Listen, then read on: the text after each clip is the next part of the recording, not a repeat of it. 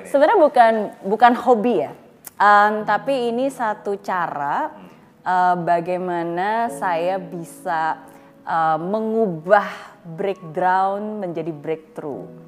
Oke, kenapa? Karena kalau saya bisa bilang um, tahun 2021 ini um, termasuk tahun yang tidak mudah, Ya. tantangan baru. Sebenarnya dari sejak pandemi ya.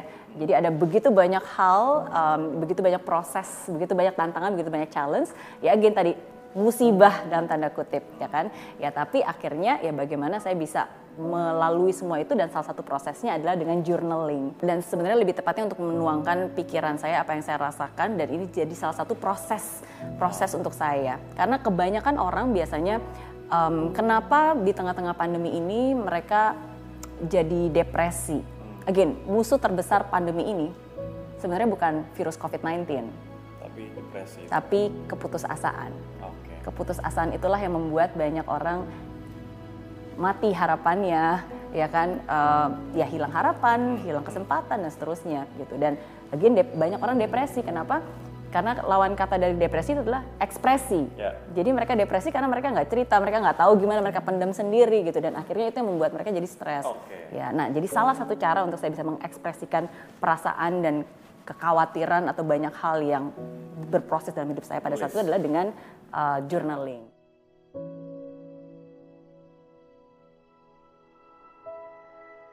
Oke, jadi ini alasan kenapa saya menulis di sini. Jadi 10 January 2021 is the day when I decided to start journaling again.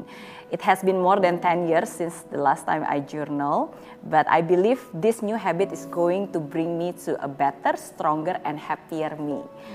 Um, every day I feel grateful, and when I started to write down again my experience, my journey, what I'm grateful for, my learning experience, I will always remember how great my God is and how amazing His work in my life.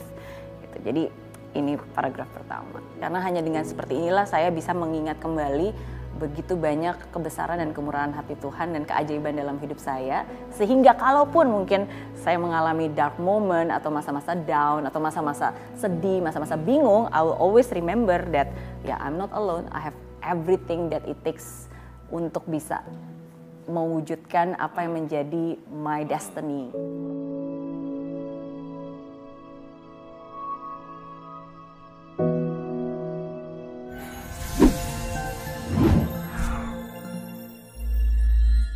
Di aplikasi Mary Riana tersedia lengkap video-video YouTube terbaru saya, artikel yang up to date, quotes inspirasi, koleksi merchandise, workshop dan seminar yang bisa kamu dapatkan free dan download sekarang juga gratis.